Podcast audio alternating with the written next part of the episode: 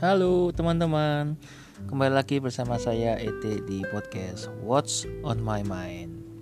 Nah kita sekarang masuk di episode ke-20 Bagian keempat Dari empat strategi relasi pelanggan dan penjualan. Ya teman-teman yang pertama kali mendengarkan Atau sudah sering mendengarkan podcast saya Pasti tahu. Di menit-menit awal kita akan uh, saya akan berikan kesempatan buat teman-teman menyediakan kertas ballpoint dan cemilan biar teman-teman sambil satu jam ke depan bisa fokus atau sambil yang di jalan atau yang sambil olahraga atau sambil aktivitas yang lain ya bisa catat-catat sendiri-sendiri di notesnya masing-masing atau ya apa pun itulah intinya podcast saya menemani aktivitas anda harian. Ya, jadi sambil nunggu teman-teman menyiapkan yang saya sebutkan tadi, saya bisa mulai review dari episode yang lalu di episode 19. Jadi kita hari ini masuk episode ke-20 ya, part keempat yang akan dirilis di 22 Juni jam 6 pagi. Nah, di episode 19 kemarin kita bahas tentang atau uh, episode 19 bagian yang ketiga kemarin kita bahas tentang uh, cara untuk mempertahankan pelanggan.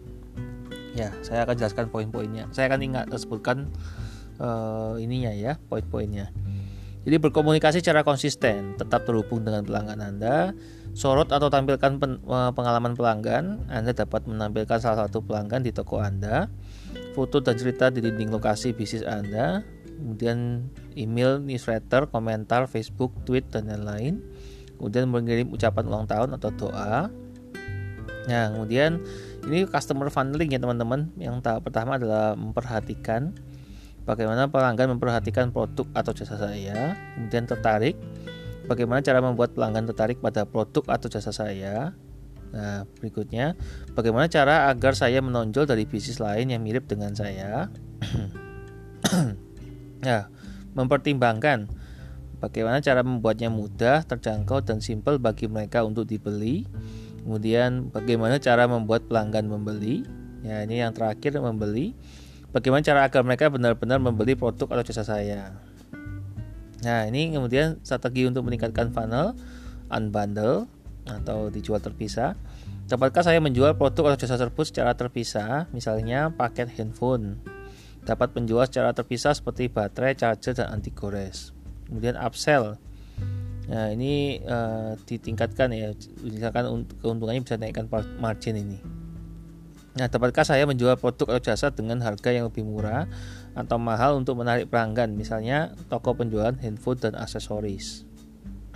Jadi dia nggak hanya jualan handphone, tapi dia jualan aksesoris juga. Kemudian cross sell, dapatkah saya melihat produk lain yang berkaitan sehingga pelanggan belanja ke saya, misalnya kafe internet menyediakan makanan. Dan kemudian referrals, bagaimana saya memberi imbalan kepada pelanggan setia saya, misalnya satu pelanggan akan mendapat bonus bila membawa pelanggan baru.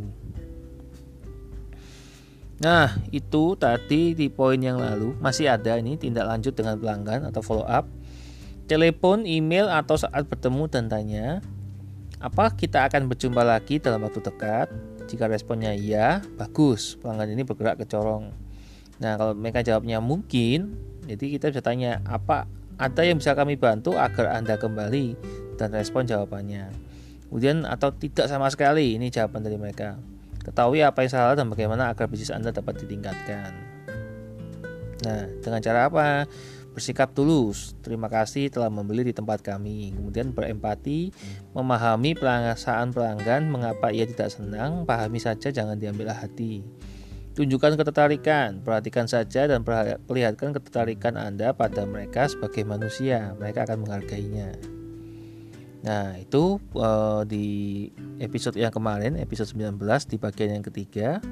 Jadi uh, kita sudah masuk di review Ya, saya rasa teman-teman sudah menyiapkan uh, PowerPoint, kertas dan uh, cemilan ya. Sambil saya minum, saya akan mulai di episode berikutnya.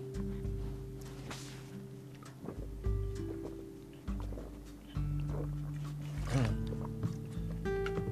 Karena suara saya habis nih maraton episode, jadi saya recording di saat yang bersamaan. Saya rilisnya di hari yang berbeda. Oke. Kita masuk di episode yang ke-20. Kita masuk di bagian yang keempat dari empat strategi relasi pelanggan dan penjualan IT Talks. Ya, teman-teman, selamat datang kembali di episode ke-20. Kali ini di bagian yang keempat Yang akan dirilis di 22 Juni jam 6 pagi. Pastikan teman-teman ya, yang belum follow bisa follow, bisa subscribe. Dan akan Anda muncul notifikasi jika ada episode yang baru muncul. Oke, kita langsung masuk di poin yang sebelumnya. Tetap caranya untuk mempertahankan pelanggan. Ya ini poin berikutnya yakni jangan memaksa Nah, ini Anda bisa mengarahkan kuda ke kolam air. Namun Anda tidak bisa membuat kuda tersebut meminumnya. Kita harus menghormatinya. Nah, itu arti itu peribahasanya, itu analisa uh, analoginya. Kenapa saya pakai kuda? Karena kuda ini sering digunakan ya untuk dalam peperangan juga kuda dipakai sebagai transportasi ya, entah itu barang atau manusia atau bahkan tentara. Nah, ya, namun ketika mereka harus beristirahat, dan kuda itu butuh minum. Kadang kan uh, seperti saya tadi saya tadi kan pakai analogi barusan saya juga minum. Saya juga butuh istirahat.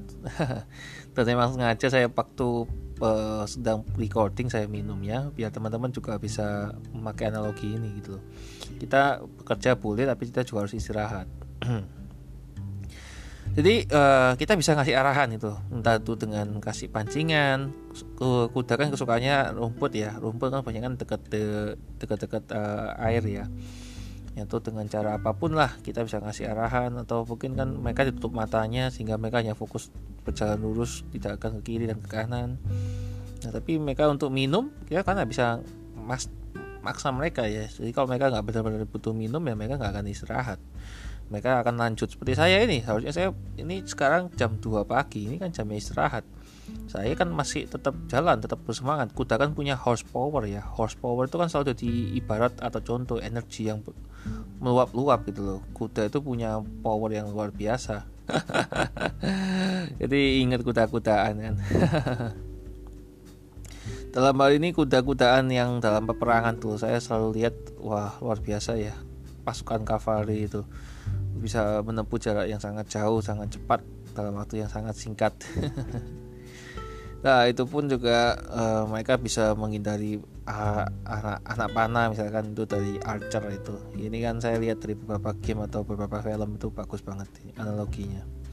Jadi ya itu tadi uh, kita nggak akan bisa ini ya maksa untuk minum sama tadi kan saya juga nggak akan bisa terpaksa untuk minum kalau saya nggak benar-benar seret nggak benar-benar seret ini tenggorokannya atau uh, butuh istirahat pita suara saya habis suara saya ya saya nggak akan minum. Tapi kan akhirnya saya minum juga. Karena saya kenapa nggak mau minum ya? Karena kan kalau saya kebanyakan minum nanti saya ke toilet. Nah kalau saya sedang ke toilet ini kan saya uh, notusnya nggak saya bawa gitu kan. Terus nanti atau saya bawa juga ribet ya bawa bawa gitu. Mau terlalu banyak barang yang dibawa jadi itu contoh aja teman-teman. Jadi kita harus menghormati ya walaupun binatang kita juga harus hormati. Jangan perlakukan binatang uh, seperti binatang. Ya kita juga bisa sayangi mereka ya. Seperti yang kapal sempat saya bahas tentang anjing itu ya perumpamaannya bagus juga. Nah, kemudian berpengetahuan luas. Nah, jika pelanggan bertanya, Anda harus menunjukkan dominasi Anda pada topik bicara. Dalam hal ini bukan berarti kita mendominasi seluruh uh, percakapan ya, teman-teman, tapi kita minimal bisa mengerti gitu loh uh, mereka ngomong apa kita nyambung. Ya kita mungkin bisa up to date ya dari berita-berita yang terkini gitu ya. Berita seminggu terakhir kita baca terus kita bisa tahu. Jika mereka memang uh, tipikalnya adalah orang yang suka baca berita dan ngikutin berita ya kita harus tahu juga. Jadi kita minimal nyambung lah. Kalau enggak ya kita minimal uh, bisa menjawab bisa merespon lah karena mereka suka kan didengarkan kan. Dan mereka juga suka dengan orang-orang yang wawasannya luas. Itu tadi. Pelanggan tuh uh, suka dengan orang yang bisa diajak bicara banyak hal gitu loh. Makanya saya juga memperluas wawasan saya bukan hanya tentang keuangan ya kan kalau di bisnis saya itu memang bisnisnya bisnis keuangan. Cara spesifiknya adalah venture capital dan private equity. Nah di sini saya juga kalau secara wawasan saya secara ini sangat spesifik saya sangat bisa jelaskan. Cuman waktu saya bakalan habis kalau jalankan pekerjaan saya saja. Ya cuman kalau pelanggan tanya tentang bisnis mereka saya mengerti gitu loh. Kebetulan kan pelanggan kami rata-rata adalah owner-owner langsung dari bisnis owner yang memang ingin dibantu untuk go public. Jadi otomatis kita uh, saya harus menguasai itu industrinya. Coba bayangkan uh, saya nggak ada background keuangan pertama. Saya bukan uh, industri apa saya bukan lulusan dari uh, manajemen atau bisnis atau akuntansi. Saya dari keguruan bahasa Inggris. Nah itu tadi. Disiplin ilmu yang berbeda. Tapi saya belajar bisnis saya belajar marketing saya belajar uh, yang lain-lain tuh sambil jalan ya sambil bisnis ya. Jadi saya langsung praktek. Saya juga praktisi bisnis saya punya bisnis saya banyak di ya teman-teman mungkin tahu di season yang lalu kita bahas bisnis jaringan. Saya cukup besar berkembang di bisnis jaringan sekarang saya masuk ke bisnis konvensional. Jadi season pertama kita bahas tentang cara bikin podcast season kedua bikin uh, jaringan jadi bisnis jaringan. Terus yang ketiga ini uh, bagaimana untuk bikin bisnis atau brand ya macam-macam nanti saya akan jelaskan. Jadi uh, itu tadi makanya uh, misalkan perikanan gitu kan. Bayangkan teman-teman saya tidak ada background perikanan. Jadi kita bisa bahas uh, secara makro gitu loh, secara luas. Misalkan uh, menteri yang terakhir kita tahu menteri yang paling baru siapa. Terus menteri yang terakhir gimana kiprahnya, kebijakannya seperti apa. Terus uh, sumber yang paling bagus di mana perikanan daerah mana uh, teritori yang mana itu tadi maka kadang juga kaget tuh wah Pak Teo kok bisa tahu semua gitu? Padahal Pak Teo kan tidak punya bisnis di situ. Ya saya saya juga punya teman di bidang sana. Jadi saya tinggal uh, sebelum pertemuan meeting saya belajar banyak gitu saya persiapan. Kebanyakan kan orang kelemahannya di situ ya. Kita uh, uh, kalau dibilang dalam peperangan tuh uh, istirahat perlu ya. Tapi kita juga harus uh, siaga. Kita harus siap. Karena kan mungkin kita harus tahu musuh akan muncul dari mana kita juga harus tahu kita sembunyi di mana kita juga harus tahu kita istirahat di mana. Ketika ada musuh datang kita harus bagaimana. Ketika musuh uh, istirahat kita juga harus bagaimana. Kita untuk menyerang untuk diam-diam tidak ketahui atau gimana. Itu banyak teman-teman. Bisa dipelajarin dari uh, peperangan-peperangan yang sudah pernah terjadi di masa lalu. Jadi saya juga mempelajari sejarah saya mempelajari arkeolog mempelajari manusia mempelajari psikologi mempelajari sales bisnis dan lain-lain. Banyak banyak uh, disiplin ilmu yang saya pelajarin.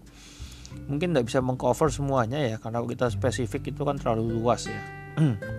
Dan kita nggak bisa jadi master di segala bidang jadi untuk jadi master ya kita berpartner dengan part yang sudah pakarnya di bidangnya masing-masing.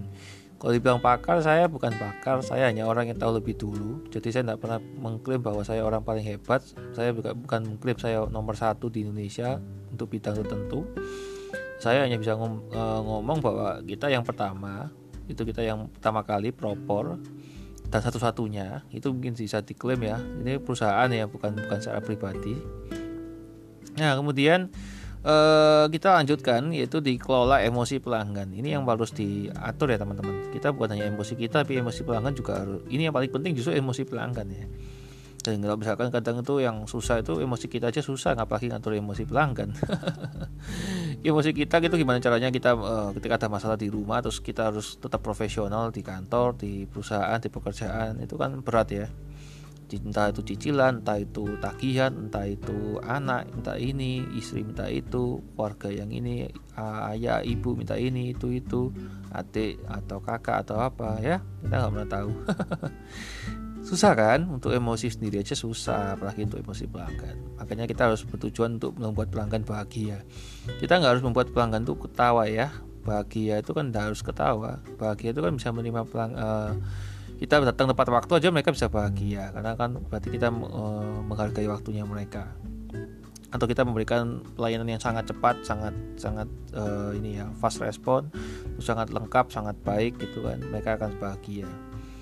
Kembali lagi bahagia versi orang-orang beda-beda teman-teman dan kita ngomong ini kan bahagianya pelanggan juga berbeda. Pastikan uh, teman-teman tahu uh, apa yang buat mereka bahagia, jadi teman-teman bisa tahu uh, tujuan akhirnya seperti apa. Nah, oke, okay, kita masuk ke penjelasan berikutnya. Dan ini tentang logo dan brand dan definisi brand.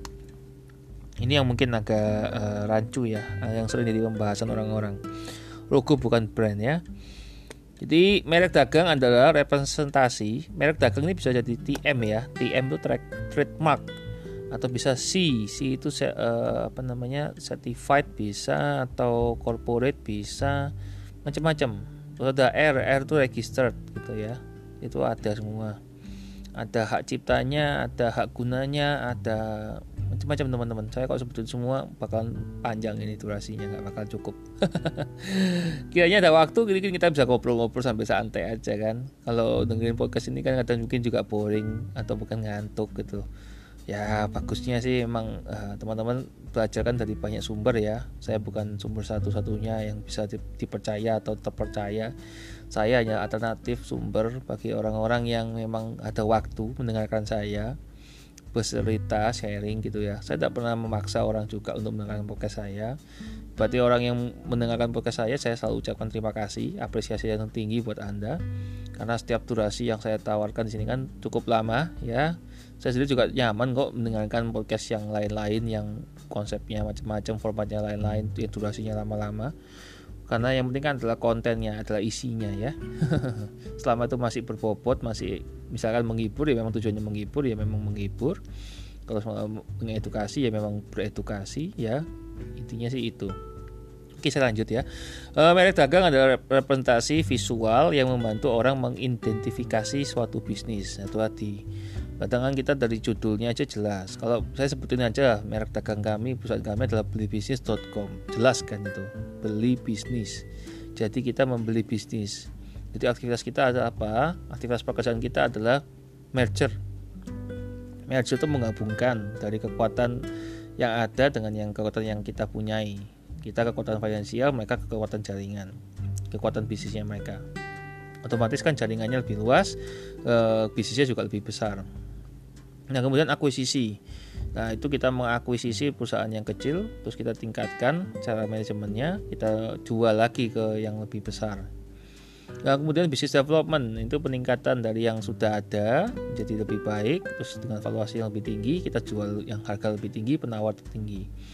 Yang di mana kita uh, tujuannya adalah go public. Jadi untuk awal-awal pasti go private dulu, kita tawarkan ke investor kita yang ada jaringan kita cukup luas di Asia di ASEAN. Masih uh, itu pun juga tambahan dari luar negeri juga Amerika ada. Sangat banyak uh, sumber dana yang sudah masuk ke kita jadi kita bisa salurkan ke pengusaha-pengusaha di Indonesia. Tadi jelas ya belibisnis.com teman-teman bisa search sendiri. Kalau mau tahu tanya detailnya bisa hubungi saya di medsos saya di link saya yang akan saya ceritakan di akhir episode. Ini hanya sebagai contoh ya teman-teman. Jadi saya tidak tujuannya untuk promosi tapi teman-teman bisa kira-kira tahu gambaran lah merek dagang itu seperti apa. Nah dengan namanya aja jelas ya. Jadi kita beli bisnis. Nah, terus ada Darwin Associate itu uh, bisnis saya, dan itu uh, partner bisnis saya ya kita saling kolaborasi jadi sama-sama maju. Untuk Darwin Associate ini partner bisnis saya kita sama-sama berpartner ya. Nanti untuk dengan beli bisnis kita berpartner dengan Darwin Associate kita berpartner.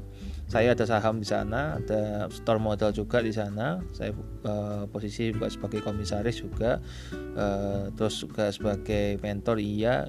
Ya sebagai kita saya nggak lebih ke arah manajemen ya. Saya lebih ke arah uh, kasih advice advisor mungkin role-nya saya Nah ini di, Arwin Associate ya bukan di bisnis. Di bisnis saya hanya berpartner.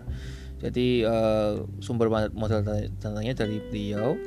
Kemudian kita olah kita ke pengusaha-pengusaha yang kita butuh itu di associate-nya kita nah itu tadi ya teman-teman bisa bayangkan Arwin Associate itu tagline kita adalah VIP itu Venture Capital Investment Group dan Private Equity. Dari itu aja jelas jelas ya.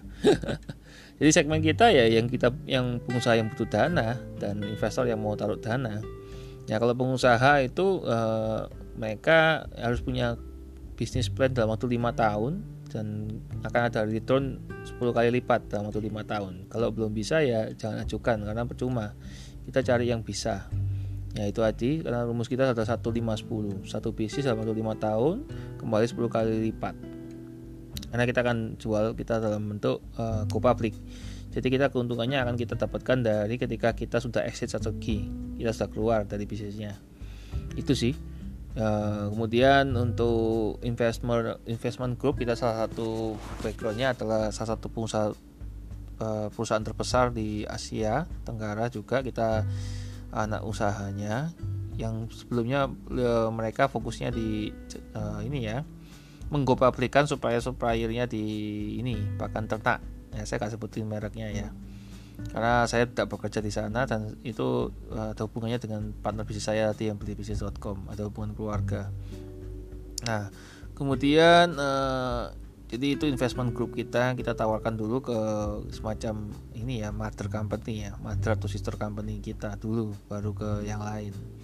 Karena kan uh, mereka juga buka lini bisnis untuk mencari ini apa namanya peluang lain di luar industrinya mereka. Ya yang kita tangani ada beberapa macam industri yakni industri manufacturing terus ada industri pertambangan ada industri ini uh, peternakan kita ada investasi senilai 96 96 miliar itu di Mojokerto peternakan ayam modern. Jadi dari awal sampai akhir itu prosesnya menggunakan mesin nggak ada manusia lagi. Manusia hanya sebagai uh, monitor ya hanya pengamat. Jadi tinggal terima hasil akhir terus distribusi. Nah itu sama proses produksi semua pakai mesin. Nah, intinya sih itu. Kemudian juga uh, perumahan kita punya teknologi canggih. Uh, jadi kita bisa bangun rumah dalam waktu satu hari itu tiga rumah. Eh dalam waktu satu bulan uh, waktu saya agak lupa ini soalnya sudah lama nggak presentasi materi karena masa-masa corona tiga bulan terakhir. Saya nggak ada kelas-kelasan lagi saya nggak ada roadshow saya nggak keliling di Indonesia saya nggak keliling pulau nggak keliling kota Nah, biasanya saya ketemu sama tamu-tamu dari luar kota, luar pulau juga di Surabaya. So, sudah tiga bulan terakhir jadi sudah agak lupa materi presentasi saya. Biasanya sih saya ingat bahkan bisa ngomong sampai 12 jam tentang bisnis saya ini aja. Cuma karena sudah jarang saya bahas ya, karena saya bahas uh, yang lain, saya bahas ke arah pribadi saya, karya-karya saya. Saya fokus berkarya dulu, jadi uh, kira-kira saya ibaratnya kayak menyimpan uh, ini ya, kayak podcast ini kan saya juga karya saya ya karena kan karya ini kan bisa abadi teman-teman. Sedangkan kalau kayak uang atau bisnis kan kita nggak abadi kita nggak bisa bawa sampai mati gitu kalau kita sama mati ya selesai kita nggak bisa nikmati lagi. Tapi kalau karya kan bisa abadi teman-teman bisa dengarkan ini mungkin anaknya bisa dengerin cucunya bisa dengerin ini masih relevan. Mungkin bahkan lebih canggih lagi ya karena kan zaman semakin maju banyak orang baca terus makin banyak hal baru inovasi baru. Ya intinya sih itu teman-teman sedikit berbagi ya. Uh, di sini saya nggak berjualan apa pun saya juga nggak jual bisnis saya. Ya kita beli justru kita beli bisnis jadi jelas ya teman-teman ya buat yang masih penasaran banyak yang tanya ke DM saya banyak yang tanya di medsos saya gitu Pak Teo ini bisnisnya apa? Ini di WA saya juga banyak. Intinya di semua medsos saya yang teman-teman menghubungi saya selalu tanya saya belum paham Pak bisnisnya Pak Teo seperti apa? Lah ini saya jelaskan. Cuman ya, kadang mungkin orang ini ya karena males saja ya saya sudah kasih sumber banyak loh. Nggak dibaca ya percuma kan? Ya itu sih intinya. Makanya saya juga nggak nggak mau jelaskan bukan nggak mau ya karena saya arahkan ke tim saya partner saya. Udah selama mereka mereka jelaskan seperti apa. Karena kita coba bagi tugas ya. Saya sudah bikin artikel sudah cukup banyak. Saya sudah menjelaskan gambar satu demi satu. Ya saya sudah kasih arahan juga dan dilakukan ya. Terserah lah itu terserah mereka ya.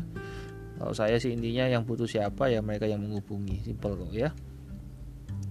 Ya itu tadi. Jadi merek dagang. Sangat jelas ya eh, representasi visual jadi teman-teman bisa identifikasikan bisnis ya. Jadi kan bisa langsung jelas itu beli bisnis sama asosiat tadi itu.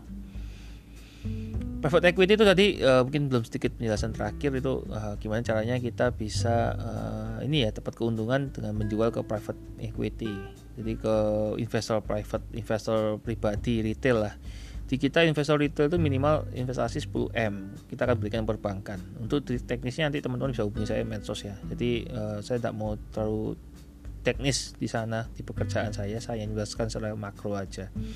Jadi itu jadi pertama adalah uh, kita bantu pengusaha dalam waktu lima tahun go public. Terus yang kedua adalah kita bantu jadi itu dalam waktu konsepnya ya satu lima sepuluh satu bisnis lima tahun jadi 10 kali lipat valuasi bisnisnya. Kemudian kalau uh, investor mereka invest di kita minimal di 10 m itu uh, untuk format yang sempurna ya uh, rumus sempurna. Tapi kalau memang adanya 1 M ya bisa juga kita bisa scale up namanya program kita. Cuman nggak bisa 10 kali lipat ya pastinya berbeda. Ya sekitar 30 sampai 60 persen per tahun. Itu cukup besar bahkan bisa sampai 6, uh, 120 sampai 240 persen per tahun. Itu tinggal dibagi aja per bulannya. Teman-teman bisa hitung sendiri. Kemudian teknisnya seperti apa bisa hubungi saya di medsos. Nanti saya arahkan ke partner saya. Ya di situ mereka yang akan menjelaskan secara detail teknisnya seperti apa. Untuk dibantu. Ya untuk pengamanan aset juga banyak lah kita jasa-jasa itu intinya uh, uh, bukan kita ngomong mainan ya. Kita ngomong bisnis itu ke arah aset manajemen juga. Kita juga ke arah uh, aset alokasi. Kita juga ke arah uh, investasi kita juga ke arah perdagangan industri jadi luas ini itu contoh ya teman-teman. Dari satu merek dagang aja saya bisa menjelaskan dan teman-teman bisa mengidentifikasi. Jadi ini saya bantu untuk teman-teman mengidentifikasi bisnis saya. Jadi teman-teman bisa tahu gitu loh. Ini sambil praktek jadinya. Jadi kita nggak asal ngomong nggak asal comot. Bahkan pakai contoh kasus yang dari luar. Lebih baik kan pakai contoh kasus yang dari dalam. Jadi teman-teman bisa dapat inside view. Jadi dari orang dalam langsung yang ngomong kemudian merek dagang bisa menggunakan simbol. Simbol itu macam-macam. Kayak di Darwin Associate itu kan simbolnya VIP ya saya pelaku kita melakukan orang lain itu seperti VIP jadi very important person very uh, important people juga. Nah kemudian kalau Max Win uh, tagline-nya jelas tadi. Max Win jadi sama-sama menang. Win win win. Semuanya win semua. Win solution. Kemudian beli bisnis juga jelas yaitu simbolnya jelas juga kemudian uh, Tadi VIP jelaskan VIP Venture Capital Investment Group Private Equity. Nah kemudian icon, icon tuh bisa uh, look ini ya, ya bentuknya ya. Kalau VIP teman-teman juga bisa lihat bentuknya seperti apa, Maxwin juga seperti apa. Maxwin itu M dan W. Bisnis teman-teman juga bisa lihat seperti logonya Amazon hampir mirip. Ya karena kita kan goalnya juga ingin jadi yang terkaya di dunia ya.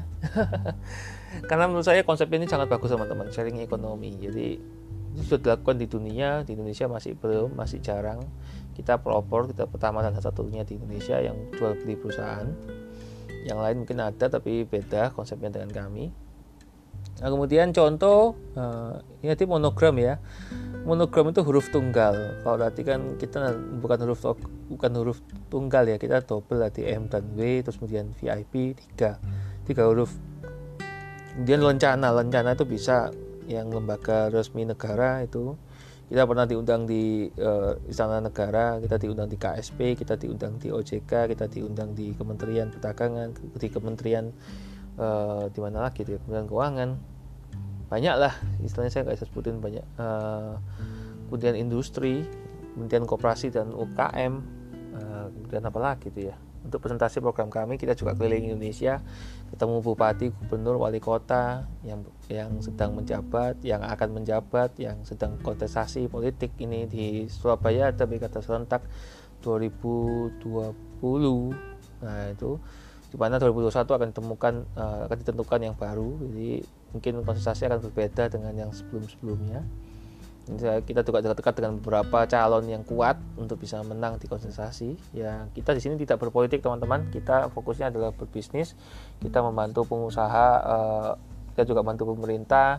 Kita juga bantu BUMN ada beberapa saya nggak sebutin mereknya. Ya intinya ada beberapa BUMN kita juga sudah ketemu dengan beberapa menteri uh, ya pejabat politik hati-hati bupati wali kota terus juga dengan uh, ini ya aparatur sipil negaranya ASN-nya entah itu bagian apa pun itu. Kepala itu bahkan dari Sulawesi Barat itu datang lengkap dari semua uh, yang terkait dengan kira-kira industri yang bersama dengan kami. Jadi dari tata ruang terus dari properti terus apalagi itu ya usaha banyak lah saya kalau ingat-ingat semua banyak banget jadi saya gak bisa sebutin semua. Teman-teman tinggal lihat di medsos saya sih sebenarnya lengkap kok. Saya nggak ada yang saya sembunyikan nggak ada yang saya tutupi. Bahkan live itu saya ngomong apa aja teman bisa dengerin. Di YouTube juga ada gitu nggak ada yang saya edit semua. Karena kan aman materi saya sampaikan itu aman semua nggak ada uh, yang harus disembunyikan nggak usah ditutup-tutupi. Karena kita kalau mau go public ya nggak ada dong informasi yang dirahasiakan. Ini kan semua orang bisa tahu. Kalau dirahasiakan ya semua orang nggak bisa tahu. Makanya saya sampaikan di podcast ini kan juga materi yang aman. Sebenarnya ada beberapa materi yang mungkin eh, bagi beberapa orang nggak aman. Katanya uh, masalah privasi ya ini kan kalau asas izin orangnya mungkin masih oke okay. kalau nggak orang yang nggak izin nggak dikasih izin ya nggak bisa gitu loh. Katakan saya bawa studi kasus itu kan benar-benar dari hari uh, dari uh, ini ya lokasinya. Jadi misalkan dari kota apa dari kota apa gitu hati dan kita semua juga masih berproses dengan beberapa bupati ini yang dekat itu wali kota Jogja ini sudah bertemu beberapa kali dan Kadin juga. Kadin Surabaya Kadin Jawa Timur Kadin Jogja dan lain-lain. Banyak teman-teman. Aduh saya kalau nulis itu capek kayaknya. Kalau saya sebut semua nanti kesannya promosi. Kita fokus ke materi aja ya. Ini hanya sebagai contoh. Jadi tanda. Tanda itu bisa macam-macam teman. Bisa kayak Nike itu cuma tanda centang kan? Rencana tadi itu rencana pemerintahan ya. Lembaga pemerintahan itu tadi. Ya contohnya McDonald menggunakan M untuk logo. Nah itu kenapa gitu? McDonald menggunakan M. Kenapa nggak bisa bikin yang lebih ribet gitu loh? Kenapa nggak bisa bentuk aneh-aneh gitu? Ya kadang untuk bikin desain semakin sederhana itu semakin rumit teman-teman proses pemikirannya. Makanya kan mungkin uh, ada beberapa perusahaan yang level dunia itu tadi juga mereformasi logonya mereformasi branding perusahaannya. Ya macam-macam lah. Ada rebranding lah ada logo uh, ikonnya berubah lah ini yang berubah lah. Itu kemudian merek adalah hubungan antara sebuah organisasi atau individual dengan pelanggannya itu hati. Ini ya hubungannya bisa hubungan pastinya hubungan profesional ya hubungan pekerjaan ya. Dan uh, kalau hubungan personal mungkin lebih ke arah personal touch jadi sentuhan pribadi. Sebuah merek merupakan imbalan kerja keras jadi kalau sudah kerja keras banget udah benar-benar terbukti banyak yang suka banyak yang uh, merasakan manfaatnya dampaknya itu contohnya adalah Nadiem Makarim sekarang jadi menteri Kemendikbud Kemendikbud Kementerian Pendidikan dan Budaya Nah ini CEO dari Gojek. Ya beliau akhirnya kan resign ya karena kan fokus di kementerian. Saya salut ya dengan karya beliau, karya yang menggebrak bukan terobosan baru. Akhirnya banyak layanan serupa di Indonesia. Kalau dulu kan cuma satu ya, akhirnya kan banyak layanan beliau juga banyak gebrakannya, bukan cuma Gojek, ada Gokar, ada GoFood, ada GoSend, ada GoMassage, ada GoGo yang lain. itu hati. Luar biasa lah. Intinya GoClean juga ada. Waduh saya kok sebutin semua nanti jadi promo ini. Intinya saya salut di situ ya. Uh, apa namanya? Uh, perencanaannya panjang sangat banyak lini bisnisnya diversifikasinya layanan bisnisnya. Dengan uh, kan pastinya itu butuh banyak orang itu ya karena kan terlibatkan melibatkan banyak orang. Makanya saya kadang juga nggak habis pikir gitu ini aset intangible-nya berapa besar ini nilainya. Kalau aset intangible kan susah ya dihitung ya teman-teman. Itu bayangkan itu aset kendaraan pribadi dari orang-orang yang dimiliki itu aja kan bukan aset pribadinya mereka. Aset pribadinya supir-supirnya atau driver-drivernya bukan aset pribadi kantornya perusahaan itu. Luar biasa itu samanya sharing resources itu teman-teman itu yang kita kembangkan juga sharing ekonomi. Cuman kan orang-orang masih belum paham. Padahal di Indonesia itu ada contohnya tuh Gojek ada Tokopedia ada Bukalapak. Banyak lah kalau saya sebutin semua jadi merek akhirnya jadi promosi. Nah kemudian jika merek adalah hubungan maka logo adalah proyeksi dari hubungan tersebut. Jadi logo itu mempermudah membayangkan. Makanya kan e, ketika proses pemikiran bikin logo VIP itu pun saya juga butuh proses pemikiran yang mendalam gitu loh. Partner saya memang nggak terlalu mempelajari tentang branding dan lain-lain.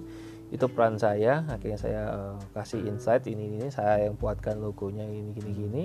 Jadilah logonya itu. Kenapa saya sebut VIP ya karena saya ingin setiap orang yang bertemu kami bukan orang sembarangan. Mereka adalah orang yang VIP orang yang sangat uh, padat jadwalnya sangat sibuk sekali sehingga sangat susah untuk ditemui atau menyibukkan diri saya juga nggak tahu. Intinya kita tetap positif thinking aja. Mereka benar-benar sibuk mereka benar-benar uh, meluangkan waktu untuk ketemu sama kita. Sama kita juga meluangkan waktu karena kita juga sama-sama sibuk.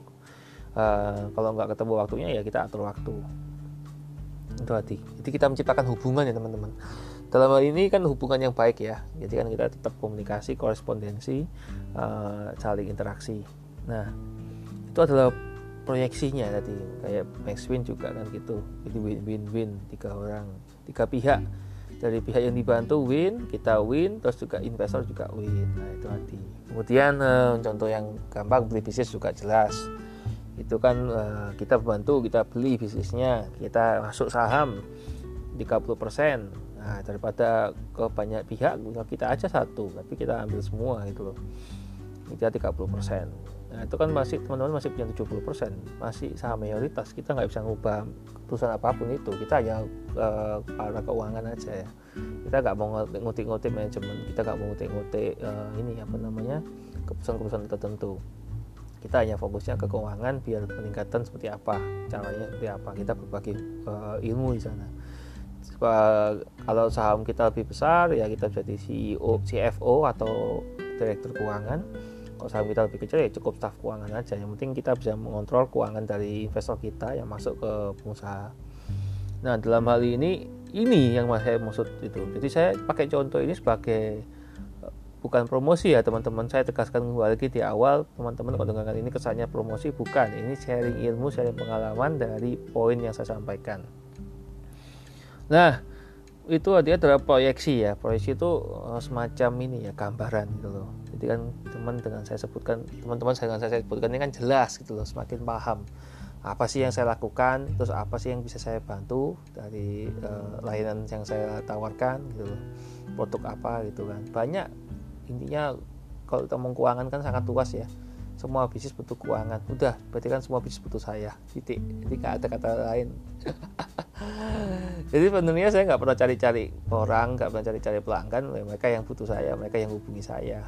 Ya intinya sih gitu. Ya, simple kan? Banyak orang di luar juga kaget kenapa pak? Pak itu ini cari-cari orang ini? Kok banyak yang hubungi pak itu caranya bagaimana pak? Ya jadilah ini memberi solusi pemecah masalah gitu loh. Kalau kita fokusnya cari masalah dan uh, tidak memberikan solusi ya bahaya. Ya kita fokusnya memecahkan masalah dan memberi solusi gitu. Jangan dibalik. Nah logo berfungsi untuk menunjukkan pada pelanggan organisasi yang lebih besar secara keseluruhan dan mencerminkan hubungan. Nah itu arti logonya jelas kan? Saya nggak akan ulangi lagi lah karena saya ulang berkali-kali juga akan uh, teman-teman kesannya di promosi. Nah, ini tadi itu ngomong organisasi yang lebih besar ya jaringan kita juga semakin besar teman-teman. Kalau VIP ini mungkin masih jaringan ya teman-teman lah ya. Saya, partner saya dan teman-teman kami di Indonesia masih di Indonesia. Ada beberapa dari luar negeri, dari Singapura, dari Filipina, dari Thailand, ada. Cuman kalau yang lebih besar ada lagi sampai Amerika, bahkan sampai berhubungan dengan ya lembaga terkait lah, lembaga tertentu di Amerika ya teman-teman tahu lah ada uh, ada ini lembaga keuangan level dunia namanya IMF lah itu ada kita juga ada jalur ke sana. Terus ada juga jalur ke ya orang-orang yang nggak uh, ini ya yang nggak pernah disebut di di media sosial atau di semua media tentang orang-orang terkaya di dunia. Ada beberapa yang nggak disebut ya. Mungkin teman-teman tahu ada dua orang yang bisa menguncangkan dunia. Itu kita ada jalur juga ke sana itu kalau kita ngomongin organisasi yang lebih besar. Ya itu artilah saya nggak akan sebut lah kalau proyek yang belum terjadi ya. Saya hanya sebut yang proyek yang sudah terjadi yang sedang sedang on progress gitu loh yang sedang kita lakukan. Jadi yang saya sudah ceritakan tadi dari awal sampai akhir ini sudah kita eksekusi kita sudah jalan lima tahun terakhir. Kita sudah investasi 5 triliun untuk investasi di pengusaha di Indonesia kita sementara memang fokusnya di Indonesia ya teman-teman. 5T itu kalau skala Indonesia masih kecil teman-teman. Jadi jangan dipikir besar itu karena yang injekan dana dari uh, investor asing untuk uh, ini apa namanya pengusaha-pengusaha Indonesia yang lain yang teknologi juga sudah banyak banget di atas 5T bahkan. Di intinya sih itu ya. Kita hanya sharing teman-teman ya. Bukan untuk pamer. Kembali lagi bukan untuk pamer. Uh, apa pun yang saya sharingkan di medsos itu kita memang benar-benar bekerja bukan asal-asalan bukan guyonan bukan bercanda. Karena saya jarang bercanda. Bercanda itu emang ya saya sampaikan ini materi mungkin bisa sambil bercanda. Tapi ketika masuk materi serius ya saya akan saya sampaikan secara serius. Ada juga program untuk pemerintahan ya itu nanti ah saya itu kesannya promosi deh. Teman-teman lihat sendiri di medsos saya deh. Ada kok di beberapa medsos saya di hari-hari terakhir ini saya promo lagi lagi campaign ini. Lagi campaign tuh lagi ah, ini bikin postingan tentang bisnis saya sebelum-sebelumnya saya bicara pribadi dan lebih ke arah pengenalan-pengenalan santai atau bahkan mungkin sekedar menaikkan engagement ya Oke, berikutnya ketika kita memiliki reaksi atau perasaan terhadap bisnis itu bukan karena logo atau grafik saja, tapi karena manusia yang terlibat di dalamnya. Itu arti penting teman-teman. Kita tidak bisa hanya permainan gambar atau visual tadi ya. Visual itu alat bantu visual. Bisa kita hanya itu mungkin dibikin 3D, dibikin bergerak, kayak gift atau gitu nggak bisa. Kita bukan masalah logo saja teman-teman tapi ini masalah sentuhan. Sentuhan dalam hal ini bisnis. Jadi banyak orang kan bilang Pak Pak Ete kenapa Pak Ete nggak terlibat secara full ya dalam bisnis? Kenapa dilempar ke partnernya atau ke ini uh, rekannya atau timnya? Ya karena mereka yang in in charge teman-teman. Mereka yang sedang berjalan dalam bisnis nah kalau saya perusahaan eagle eye. Eagle eye itu lihat dari atas. Bukan berarti saya atasan ya bukan berarti saya atasan atau bawahan bukan. Tapi kita kan harus ada sudut pandang yang berbeda. Kalau saya di dalam berarti kan saya tidak bisa lihat dari atas. Nggak bisa tahu situasinya seperti apa kan gitu. Dan dan mereka kan selalu laporan ke saya hari demi hari bahkan ada progres apa. Saya bilang sama mereka saya selalu standby kapan pun bisa dihubungi bisa lewat telepon bisa lewat uh, chat ya kecuali saya rekaman ya, ya kayak saya rekaman podcast ini saya nggak bisa dihubungi saya bilang dulu tolong jangan hubungi saya untuk satu jam ke depan karena saya rekaman durasi satu jam. Saya akan hubungi kembali ketika saya sudah selesai rekaman dan proses editing yang lain-lain akan saya hubungi duluan. Itu. Jadi saya selalu uh, sangat menghargai waktu dan saya juga tidak mau diganggu kalau masalah waktu. Kemudian uh, itu hati ya teman-teman ya. Kan nggak bisa kita cuma lihat dari logo aja makanya saya bilang uh, mungkin banyak yang nyaman dengan saya banyak yang cocok dengan saya atau saya dengan dengan partner saya nggak cocok atau nggak nyaman. Ya saya bilang ya sudah lah itu mungkin memang uh, belum jodohnya bagi saya sih gitu. Karena saya juga sedang proses uh, mentoring ini ya. Saya ingin jadikan murid saya atau partner saya ini jadi pengusaha kelas dunia. Ya walaupun saya mungkin bukan bukan pengusaha kelas dunia ya tapi saya ini uh, mempelajari ilmu dari orang-orang level dunia saya mempelajari literatur dalam bahasa Inggris buku-buku dalam bahasa Inggris ya intinya yang terkini yang terbaru hampir setiap hari saya baca buku nggak ada habisnya gitu loh Bahkan saya pernah melakukan book review, movie review, nanti mungkin saya bikin podcast review, saya bikin YouTube review. Banyaklah saya yang bisa lakukan untuk meningkatkan engagement dan meningkatkan uh, pengetahuan teman-teman ya. Karena fokus saya memang di bagian edukasi. Itu uh, passion saya juga, passion dan keahlian saya. Nah kemudian kita lanjut. Kayaknya jelas ya hati ya, kita gak bisa dengan logo, gambar bergerak atau ini bisa menjelaskan semua, Anda bisa. Hal ini karena grafis mengingatkan kita tentang pengalaman kita tentang bisnis tersebut. Nah, itu hati. Itu hanya mengingatkan saja, bukan sebagai acuan utama. Yang pastikan hubungan ini, hubungan kita dengan yang pelanggan. Oke, ini aja uh, pro, uh, kita akan masuk ke tips memberikan promosi yang bagus atau promosi yang hebat.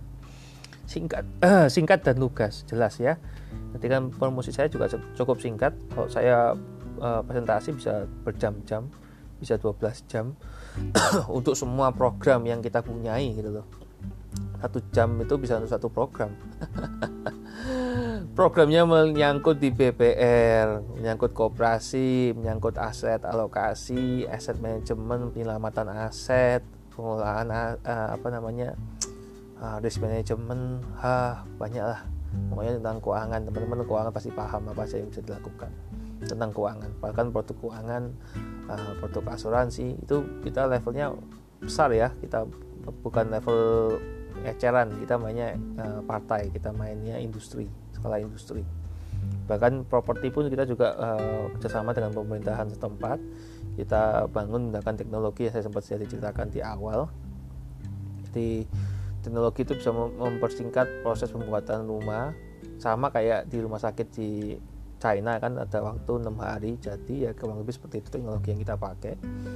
Ada yang seribu rumah dalam waktu tiga bulan kalau nggak salah itu. Ada yang apa ya saya kok lupa ya soalnya sudah lama nggak presentasi saya.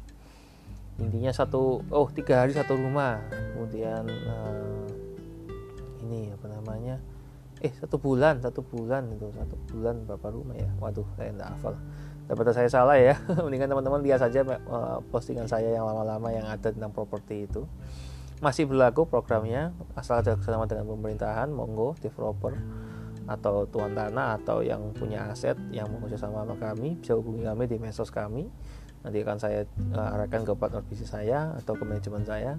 Karena saya hanya fokus di ini ya teman-teman kalau mau berhubungan secara pertemanan juga masih oke okay lah bagi saya. Saya akan jawab langsung dari nomor saya pribadi Nah, kemudian uh, singkat dan lugas, ya itu hati ya, jangan panjang-panjang, jangan uh, bertele-tele, fokus saja ke intinya apa, intisarinya apa. Nah, kemudian kenali pelanggan Anda, Anda harus ya sama seperti ini, saya berusaha untuk mengenal satu persatu pelanggan saya, ya kan. Saya gali uh, keluarganya, saya gali hobinya, terus bisnisnya, terus pekerjaannya terus masalahnya apa kan apa yang bisa saya bantu itu hati ya sama seperti ini teman-teman bisa mengenali saya lebih dekat ya kan? Dengan podcast ini kan tujuannya itu. Anda bisa tahu isi otak saya seperti apa apa yang saya pikirkan dan gitu. Kan what's on my mind apa yang ada di otak saya. Makanya juga ingin tahu apa yang ada di otak anda gitu loh. Makanya kasih feedback ke kami ke saya gitu loh. Kasih feedback ke saya dengan ngetek mention atau atau follow juga monggo. Subscribe juga silakan gitu loh ya setiap uh, tombol yang teman-teman pencet itu ya intinya akan memberikan semangat juga motivasi buat saya tetap berkarya. Karena kan kembali lagi kita ujungnya sudah bikin banyak udah bikin bagus kalau nggak ada yang dengerin ya kita juga pasti nggak ada motivasi. Makanya mungkin untuk awalan saya hanya bikin 30 episode di awal di mana akan saya rilis setiap hari. Ini saya sudah rencanakan. Sudah ada planningnya sudah ada episodenya. Tinggal recordingnya aja tinggal editing dan lain-lain itu tinggal di setting. Ini sudah di hari udah di episode ke-20 ini sudah tinggal 10 episode lagi. Terus nanti akan saya eksperimen di hari dan tang, uh, hari dan tanggal ya. Misalkan tadi itu hari tengah tengah pekan dan akhir pekan misalkan jadi seminggu dua kali atau tetap sehari sekali itu agak berat ya. Kalau sehari sekali itu bakalan kalau nanti aktivitas new normal bakalan aktivitas padat lagi. Ini Selasa hari ini saya syuting hari Senin. Selasa pagi aja sudah ada meeting baru gitu loh. Ya kita meeting di kantor kita ada program baru. Ya benar bukan program baru ya baru bagi partner saya karena baru menjalankan. Kalau saya sudah pernah menjalankan program ini. Program bagus ini. Cuman saya tidak akan sebutkan di sini karena nggak ada hubungannya itu nggak ada contoh.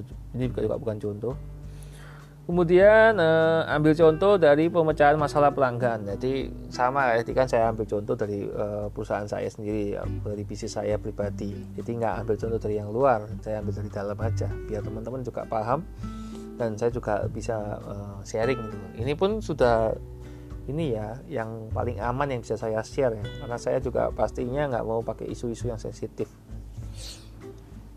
Nah kemudian serukan pada pelanggan Anda apa yang diingini itu apa. Anda harus ngomong dong. Kalau Anda nggak ngomong, Anda nggak tahu. Maka saya kan ngomong nanti follow saya sekian sekian sekian itu saya ngomong kan. Nah, berikan contoh atas nilai yang dimiliki Anda. Saya sudah kasih contoh ya banyak teman-teman sudah sering yang dengar yang sering dengerin episode, uh, podcast saya episode episode saya pasti paham gitu loh. Contoh-contohnya banyak nilainya saya. Nilai kejujuran, nilai integritas, nilai uh, ini apa namanya?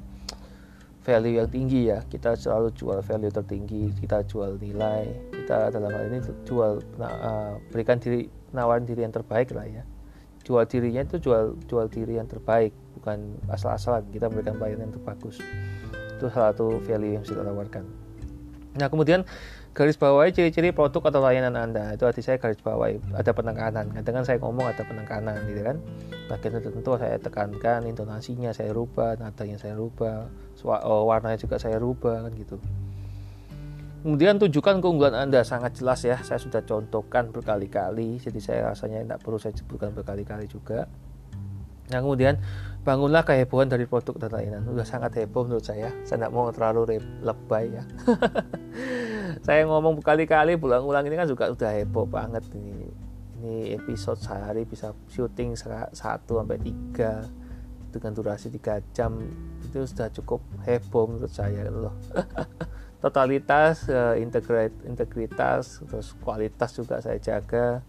Ya harapan saya teman-teman yang mendengarkan ini benar-benar puas bukan cuma sekedar tahu gitu loh benar-benar dapat sesuatu.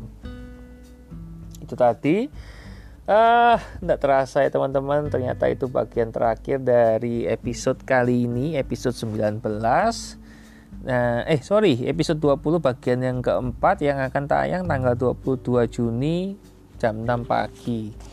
Kita di episode yang berikutnya, episode 21, itu kita akan masuk di topik yang baru, yakni dua aktivitas kreatif membangun tim yang akan disukai tim Anda. Itu diambil dari e-book, saya yang ke-11 Creative Team Building.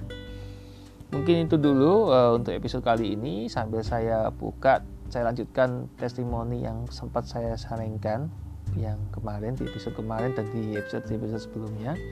Belum selesai masih banyak. Sambil ngisi waktu aja sih teman-teman. Kalau mau di skip ya monggo. Kalau mau di stop juga silakan. Saya tidak ada paksaan ini juga saya ngomong kan di depan. Saya lagi buka uh, catatan saya saya buka. Saya lagi buka Facebook saya saya buka Facebook saya ngomong kan. Oke kita masuk. Ini dari Bu Linda. Terima kasih Bu Linda dari Surabaya.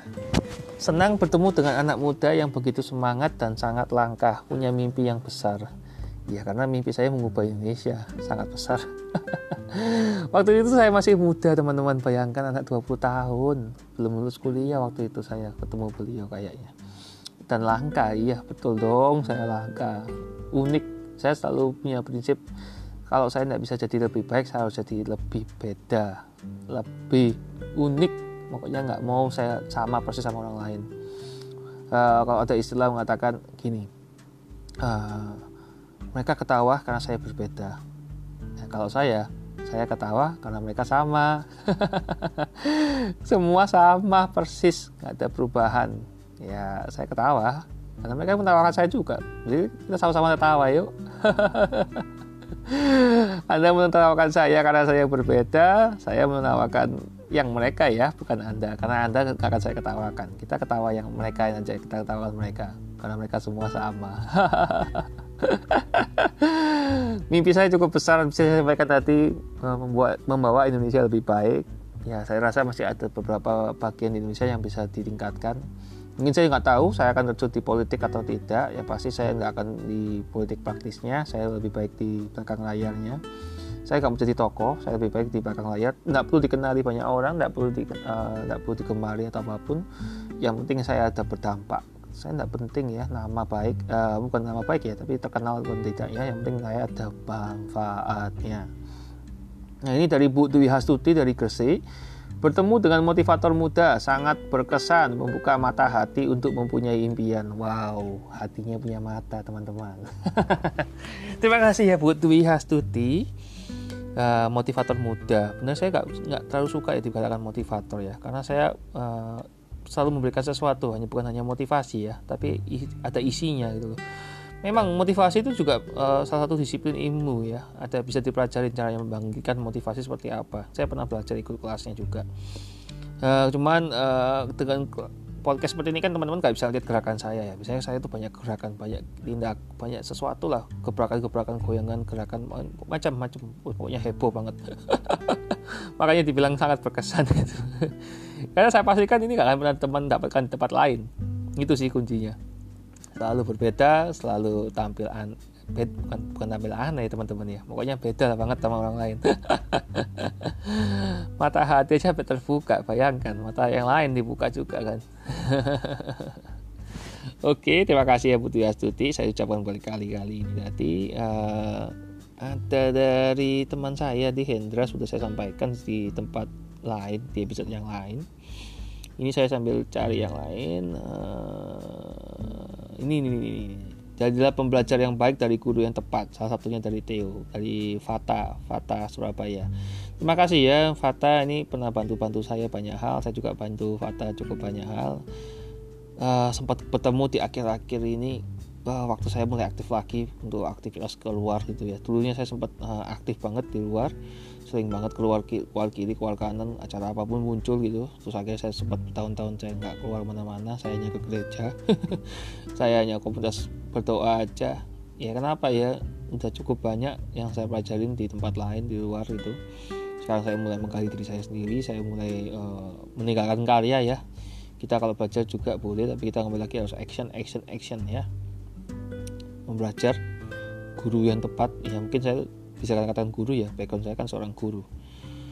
Kemudian ini dari Pak Joni pengusaha tour and travel dari Manado. Ini ada nomor beliau HP-nya saya nggak akan sebutkan.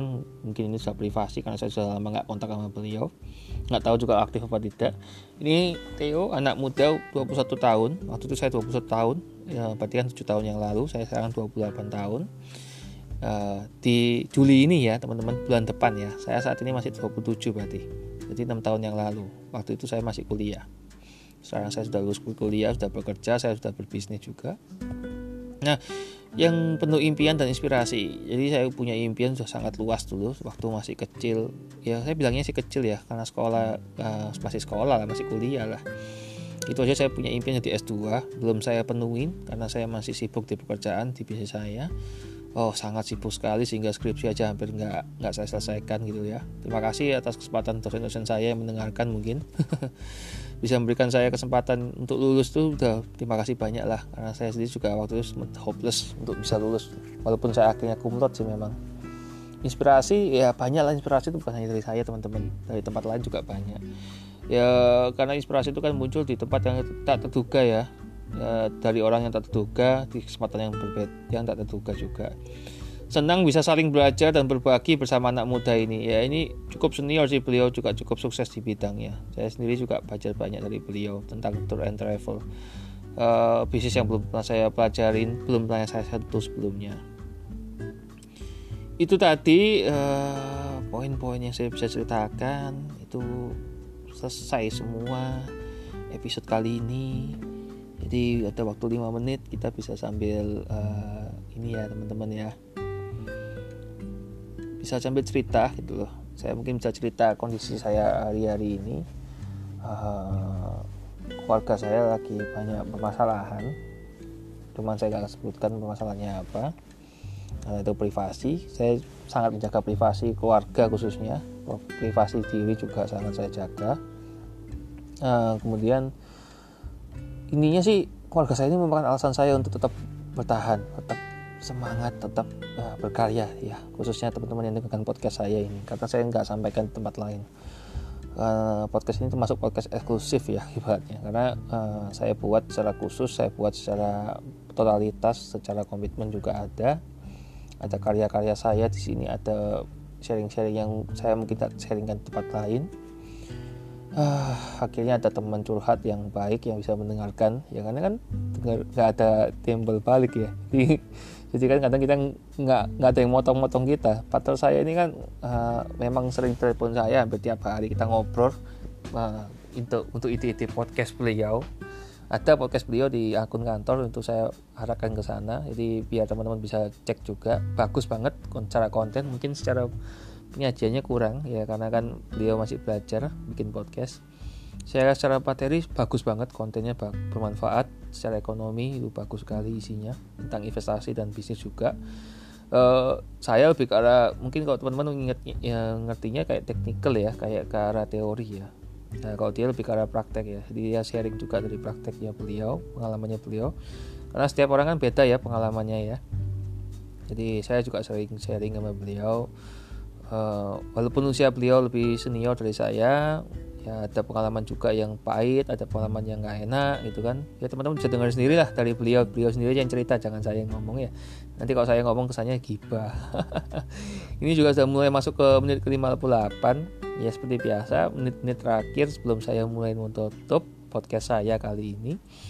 Teman-teman bisa follow follow medsos saya di IG Twitter Line Facebook uh, YouTube LinkedIn apalagi ya ada uh, ini Telegram dan podcast saya di podcast What's on My Mind by ET yang bisa didengarkan di layanan streaming apa pun itu. Uh, kemudian salam salut ya, you know my name, not my story. Harapan saya setelah teman-teman dengarkan ini, saya ucapkan salut juga sudah menyelesaikan sampai akhir di episode kali ini kita akan masuk di episode berikutnya tentang dua aktivitas kreatif membangun tim yang akan disukai tim Anda. Yang diambil dari buku ebook saya ke-11 Creative Team Building. Oke, selamat pagi, siang, sore, malam, Senin, Selasa, Rabu, Kamis, Jumat, Sabtu, Minggu, setiap hari jadikan hari-hari penuh dengan makna, penuh dengan cerita, kalau Anda mau berbagi dengan saya, Anda bisa hubungi saya di medsos saya. Sampai ketemu di episode selanjutnya. Di episode ke-21 di bagian yang pertama. Sampai ketemu. See you. God bless you.